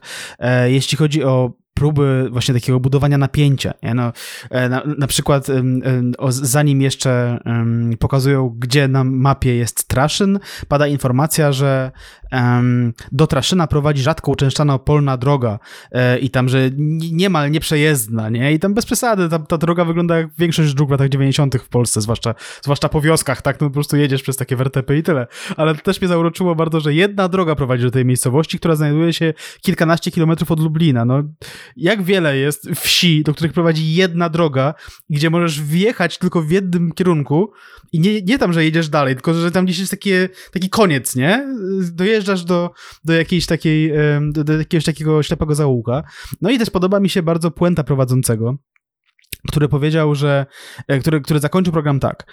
Cytuję. Czy zdarzenia, które dotknęły bohaterów naszej dzisiejszej relacji, mają charakter nadprzyrodzony, czy też rozegrały się tylko w ich wyobraźni? To nieistotne. Ważne jest bowiem, że nawet próba nawiązania kontaktu z drugą stroną naszego życia jest bardzo niebezpieczna. No to właśnie istotne, mordo, tak? W sensie, no bo jeśli to się wydarzyło w ich, e, w ich wyobraźni, to nie udowodniłeś tezy, że każda próba nawiązania kontaktu z drugą stroną naszego mhm. życia jest e, niebezpieczna.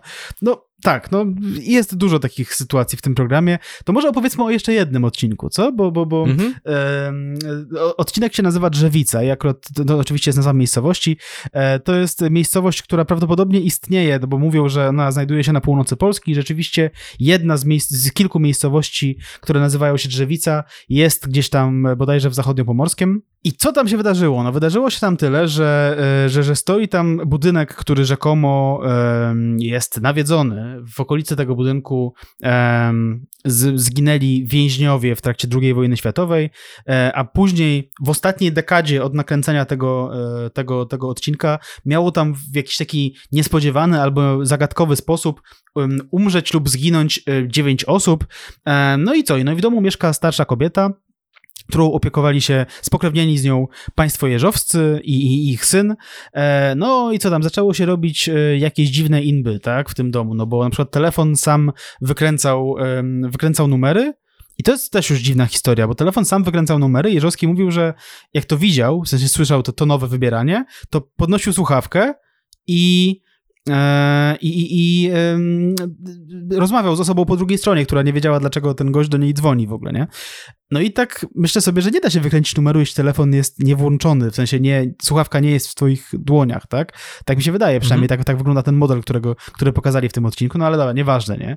E, z telefon sam wykręcał numery. E, później, gdy syn Jeżowskich chciał napisać K plus M plus B na drzwiach do mieszkania, to jakaś tajemnicza siła powstrzymywała go od zrobienia tej, do, dokonania tej czynności, więc no słuchaj Mateusz, no tam się rzeczywiście dzieją jakieś straszliwe rzeczy. E, no i to nie jest tylko tak, że to państwo jeżowcy na przykład chcieli trochę rozgłosu na, na swój temat, w związku z tym y, zgłosili się do, do tego programu i, i, i już, tak? I, I, wcisnęli ludziom ciemnotę, dlatego że również osoba spoza, osoby właściwie spoza rodziny, czyli tutaj mam na myśli e, dziennikarza Łukasza Mikołajczaka, jakiegoś takiego właśnie lokalnego dziennikarza i grupę jego znajomych, e, wkręcili w tę całą historię. Dziennikarz Mikołajczak przyjechał tam na miejsce, e, no porobili jakieś zdjęcia tego domu i jak już je wywołali, to zauważyli, że tam jest antena, czy nie wiem, czy wywołali, raczej cyfrówką już wtedy robili, e, że antena satelitarna, która, założyli taką dziwną, prześwitującą antenę satelitarną, zadzwonili do, do, do um, Jeżowskiego i zapytali o tę antenę i Jeżowski powiedział co? Że ta antena nie istnieje. There is no antena, Mateusz. No i to jest rzeczywiście creepy. Jakbym zobaczył taką rzecz, no kurczę, no nie wiadomo, co się dzieje. Być może, a być może to tak naprawdę, nie wiem, zdjęcie nie wyszło i tam, tam po prostu jakaś plamka się zrobiła. No nie, raczej nie, być może nie, raczej jednak duch, jednak, wydaje mi się. To jest ciekawe, że możesz wykombinować dowolny, jakby manipulując w ten sposób, możesz wykombinować dowolny obiekt, który zniknął i że to jest tak, jak to nie? I mm. akurat wybierasz antenę, nie? że Jezus Mary, naprawdę nie ma jej tam, że jakby, co to ma w ogóle wspólnego z czymkolwiek w tej całej historii, nie? Jakby wiesz, no mało to jest, mało to jest mistyczne, no ale, ale też taki jest ten program, taki Jezus Maria, no bardzo, bardzo niedopisany można odnieść wrażenie. Jeżeli w jednym odcinku się pojawia, już nawet nie mówię o tym, ale bardziej o tym poprzednim, jeżeli w jednym pojawia się tyle błędów, no to jest w tym wszystkim jednak za, du za dużo pośpiechu. Może było za dużo spraw, nie? Bo tam zawsze było potem, że nasze telefony będą czynne jeszcze przez godzinę mhm. od zakończenia emisji. Może po prostu za dużo mieli na głowie, ale, ale to jest piękne, no. Znaczy ja to zrozumiałem tak, tę antenę, że to nie jest antena, tylko to jest jakaś taka kula energii, która, która wygląda trochę jak antena. No ale no nie wiadomo, Mhm, tak? No, mhm, no, masz mhm. rację, że program był trochę zgrzebny, jeśli chodzi o takie, no i traktowanie e, ludzi, z którymi, z którymi rozmawiali e, ludzie z TVN-u, jeśli chodzi o to, e, jak ten program próbował opisywać pewne, pewne rzeczy, no to, to wi- wiadomo, że to było em, no to, to nie było wybitne, wybitne, wybitne literacko, nie?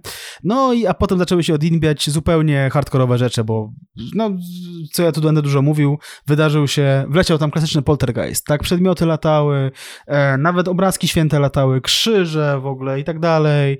E, ja mam takie wrażenie swoją drogą, bo zobaczyłem y, w tym, w tym odcinku to mieszkanie Jeżowskich e, i z całym szacunkiem, ale wydaje mi się, że ten po prostu ten wystrój był tak e, paskudnie zirosowy, tam były takie bardzo zirosowe rzeczy w środku, że być może temu duchowi się po prostu nie, nie, podobał, nie podobały te meble i ta taka meblosianka na przykład biała tam jest nie, paskudna, nie? Tak, ale wtedy by musiało straszyć w 90% mieszkań w Polsce. Albo, albo to jakiś po prostu e, taki jakiś duch esteta, nie? Jakiś, Tak. No, no, no, tak, tak. Ma, może malarz na przykład. Duch wnętrzarz po prostu, tak? W Mhm, sensie mhm. słynny dekorator wnętrz zmarł Tak. i, i musi mieszkać w, e, obok takiej meblościanki właśnie, tak?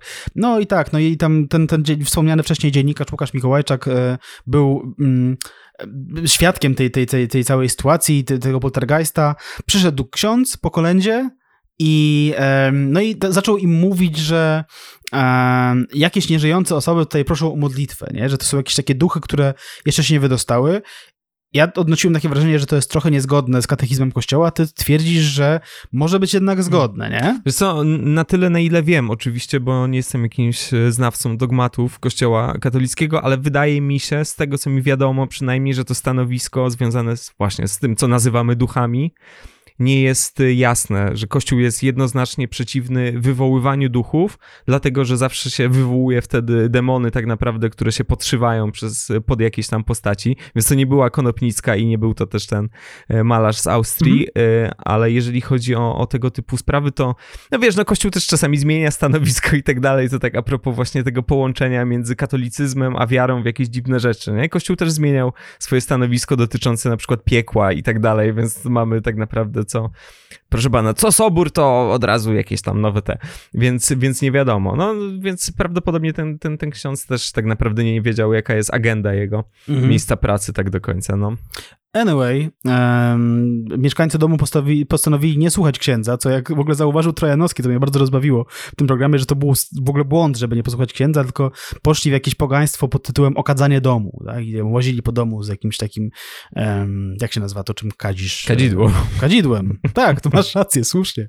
Łazili po domu z kadzidłem i, i, i próbowali w ten sposób poradzić sobie z duchem. No, finalnie chuj to dało, e, bo jak zauważył prowadzący, likwidowanie skutków bez znajomości przyczyn jest niemożliwe, a te przyczyny podał im ksiądz. E, no i powinni słuchać księdza, chociaż chwilę później okazuje się, że jednak, że, że, że jednak nie powinni słuchać księdza, dlatego że do, do, do, do Jeżowskich e, przyjechała parapsycholożka Alicja Ziętek, swoją drogą da się zgooglać, ona chyba działa, działała na pewno w ostatnich latach, jeszcze. Nie wiem, czy działa do dziś, i, i, e, postanowiła zrobić im, zrobić gospodarzowi domu, tak, czyli, czyli Jeżowskiemu, regressing. I Trojanowski od razu tłumaczy, co to jest regressing. Jest to, uważaj, niekonwencjonalna psychoterapia, która pozwala na powrót świadomością do przeszłych zdarzeń. Więc mamy tutaj Polskę początku lat zerowych, gdzie prawie nikt nie wie, co to jest do końca terapia, psychoterapia, e, coś tam tego. I, e, I od razu wjeżdża taka informacja, że to jest jakaś, że, że ta, ta terapia to może w sumie jakieś, jakaś w sumie szuria od samego początku. Mogli wtedy wciskać jakiś kompletny bullshit, bo mm, na zachodzie e, już doskonale wiedzieli, że ta metoda odzyskiwania wspomnień jest tak naprawdę niezgodna ze stanem wiedzy psychiatrów i to jest e, metoda, z której korzystano przy okazji różnych spraw, o których mówiliśmy w odcinku o, o Satanic Panic. Mhm. I, I przywoływane wspomnienia okazywały się fałszywe, okazywały się wynikiem manipulacji, hipnozy i tak dalej, i Tak. tak dalej. A że u nas nikt jeszcze nie chodził do psychoterapeuty, to można było wyjąć jakąś skompromitowaną gdzieś indziej rzecz i powiedzieć, że no to jest taka, to jest, to jest dobra, to jest dobra metoda, nie? Też ciekawe w kontekście tego księdza jest to, że zauważ, mm, że to wszystko sąsiaduje e, z katolicyzmem, ale w takim sensie, że ta duchowość katolicka tak naprawdę tam i tak jest bazowa, że mogą się wyraż- mhm. wiesz, wydarzyć różne rzeczy, że niedowiary absolutnie nie neguje, a wręcz przeciwnie, sugeruje, że zjawiska nadprzyrodzone się zdarzają, ale że jednak ta duchowość katolicka, ona jest y, tutaj mhm. nadrzędna i, i, w żaden sposób się nie wyklucza z tym, że tam swoją drogą był odcinek kiedyś o jakimś złym kasztelanie, który w zamku teraz straszy jako czarny pies z łańcuchem i to, to, to, to, też, też wspaniała rzecz. Nie, że to wszystko się może absolutnie wydarzać, tak. ale generalnie słuchajcie księdza, bo Bóg w takiej e, katolickiej formie, czy w katolickim rozumieniu istnieje nie? I, i musicie na to, na to mieć baczenie. No. Tak, no to jest, prawda, słynna lewacka telewizja TVN, te, e, te. radykalnie lewacka. Niemniej, e, i teraz muszę powiedzieć tak, ja oglądałem oczywiście te odcinki sobie tam e, piracko na YouTubie, bo są i, i polecam kanał VHS Retro, który, który, który je uploaduje, e, jest na tyle miły, że, że je uploaduje. I muszę powiedzieć, że to jest niepełne doświadczenie płynące z oglądania Niedowiary, dlatego, że pełnym doświadczeniem było oglądanie ich po pierwsze wtedy, kiedy one leciały w telewizji, to jasne, tak, ale po drugie to było oglądanie Niedowiary z przerwami na reklamę nie do wiary, każdy odcinek miał dwie przerwy na reklamę i oczywiście pierwsza była w takim momencie, to już po, po pierwszym akcie, kiedy już tam ustawiamy te wszystkie postaci dramatu na, e, na scenie, a druga, druga przerwa reklamowa była tuż przed tym wielką kulminacją, tuż przed trzecim aktem, kiedy już zaraz się wszystko okaże, co tu się w ogóle wydarzyło, co, co tu się dzieje. Mm. I e, pamiętam do dziś odcinki, nawet sobie wczoraj taki jeszcze jeden obejrzałem, gdzie m, mm, kopali e, m, mm, jakiś, e, szukali jakiegoś skarbu babci w jakimś mieszkaniu, trzeba było wyburzyć ścianę i tam był Trojanowski, to mówił, co tam się za tą ścianą dzieje w ogóle, to co tam się wydarzyło, zobaczymy zaraz, jaki tam czy jest skarb i okazało się, że oczywiście chuj tam nic nie ma. Nie? I, Kolejne mieszkanie było po prostu. Tak, czy coś tam, nie? W sensie, no nie, no tam, nie, nie tam właśnie wsadzili, wsadzili kamerę, poleciała jakaś cegła na kamerę, zniszczyła im kamerę i powiedzieli, no, no nic nie znaleźliśmy. Dużo było takich odcinków, było jakieś szukanie... Znaczy nie, no oni, oni, oni bardzo lubili jakiś taki motyw typu, że nasza ekipa spędziła tam 14 tak. dób, ale niczego nie udało się, ale próbowaliśmy, tak. nie? Ale to nie znaczy, absolutnie to nie znaczy, że niczego tam nie tak. ma, po prostu my nie trafiliśmy, nie? Bardzo dużo, bardzo dużo jest takich rzeczy, właśnie fajnie jest to sobie obejrzeć tym takim e, doroślejszym okiem, szukając jakichś takich po prostu bardzo jawnych aktów manipulacji, na przykład Teraz mi się przypomniał jeszcze taki odcinek mm, też o nawiedzonym domu yy, i też w jakiejś tam niedużej miejscowości, już nie pamiętam e, teraz tytułu, ale w końcu, jako że ten duch szczególnie męczy jedną tam z mieszkanek domu, która jest szczególnie wrażliwa, to nie do wiary ściągają z Holandii jakąś taką panią szamankę, powiedzmy, egzorcystkę, uzdrowicielkę, jakby cokolwiek. Holenderka o takiej mocno latynoskiej urodzie, tak swoją drogą. I ktoś na to nie zwrócił uwagi, ale ta pani odprawia nad tą opętaną, powiedzmy, panią jakieś tam modły i lektor mówi, że no i teraz nasza specjalistka wypowiada słowa y, pradawnej holenderskiej modlitwy. Znaczy ja wiem, że w miejscu Holandii były rozmaite ludy od wieków, nie? Ale to już weź, kurde, nie ktoś to zredaguje, no w ogóle, wiesz, jak to brzmi. Ale to jest właśnie to takie słowo, które ma to podkręcić, nie? Że ta pani dysponuje wiedzą tajemną, pradawną, jakąś pradawną holenderską wiedzą, no i, no i ona to rozwiąże. Więc, y, więc poza tym y, jakimś takim mikroprzestrachem związanym z dziecięcymi wspomnieniami, to bardzo fajnie jest tego typu elementów w tym programie poszukać. No. Tak, to jest dużo zabawy, ja na pewno będę miał zabawy więcej i na pewno wrócimy w ogóle do tego programu. I... Nie, myślę, że zrobimy cały po no, no prostu no. o tym, bo tak, tu no jest tak. tyle tych rzeczy, że, że nie można z nich zrezygnować. Jasne, no. ja pamiętam, że a, a propos właśnie jakiegoś takiego wiązania kwestii paranormalnych i horrorowych z językiem niderlandzkim, to pamiętam, że chyba Manitu Grahama Mastertona było trochę na tym oparte, że tam ten, że, mm. że, że tam była jakaś taka kwestia właśnie w niderlandzkim, która, która była jakaś taka creepy i, i, i tak, i wypowiadał ją ten. Nie. E, dobra, wróćmy do tego, co się wydarzyło, albo nie wydarzyło w Drzewicy, nie wiadomo. Otóż, już kończąc te, te, te historie, po tym, e, w trakcie tego regresingu e, ten, ten Jeżowski widział jakąś postać bez głowy, potem jakiegoś łysego typa, no cuda nie widy, po czym psycholożka stwierdziła, uwaga, tutaj też cytuję, nie mamy tutaj do czynienia z czynnikami parapsychologicznymi czy duchami, tylko z czystą energią, siłą pewnej energii, nieokreśloną siłą. Dobrze, że się roz rozwikłało wszystko, no. lektor powiedział chwilę później, że, że, że taka interpretacja zaskoczyła pana Adama. Znaczy, mnie też by zaskoczyła, szczerze powiedziawszy. E, gdybym coś takiego usłyszał po jakimś takich wielu tygodniach koszmaru z jakimś poltergeistem. E, no i tam e, generalnie chodzi o to, że pan Adam przyciąga tę siłę w sposób nieświadomy i jeśli chce sobie pomóc, to powinien się wyprowadzić z tego domu. Dziękujemy za pomoc, Pani Alicjo. Świetna robota e, i świetny program. Kto, ktoś to musiał powiedzieć, nie? Jeżeli to było jedyne rozwiązanie, no to ktoś musiał tutaj dać ten impuls. Doskonały program. W końcu ich tam, y, pamiętam, zdjęli i potem się w Polsacie pojawiła strefa tajemnic chyba i Trojanowski był e, prowadzącym również i potem Niedowiary chyba wróciło do TVN-u, ale to będziemy jeszcze gadać przy okazji odcinka tylko i wyłącznie na temat tego programu, bo tak, tak, warto wrócić. Tam, tam jest bardzo dużo rzeczy, też takich, których się mocno bałem, jakiś tam antychryst, proszę pana, i, i tego typu historie, e, samospalenia, jakieś tego, tego typu rzeczy. No właśnie, Faktor X jeszcze przecież było, było takie czasopismo. No dużo się tam rzeczy tych jakichś takich paranormalnych kręciło i mieliło, zaczęło w 90sach i gdzieś w latach zerowych już w pewnym momencie zostało wycofane, bo jednak, proszę pana, w internecie tyle rzeczy można było znaleźć, że jakiś Trojanowski z jakiś tam, jakiś tam kamera z noktowizorem, jakiś totalny bullshit, to już, to już to było za mało po prostu dla odbiorcy. No. Tak.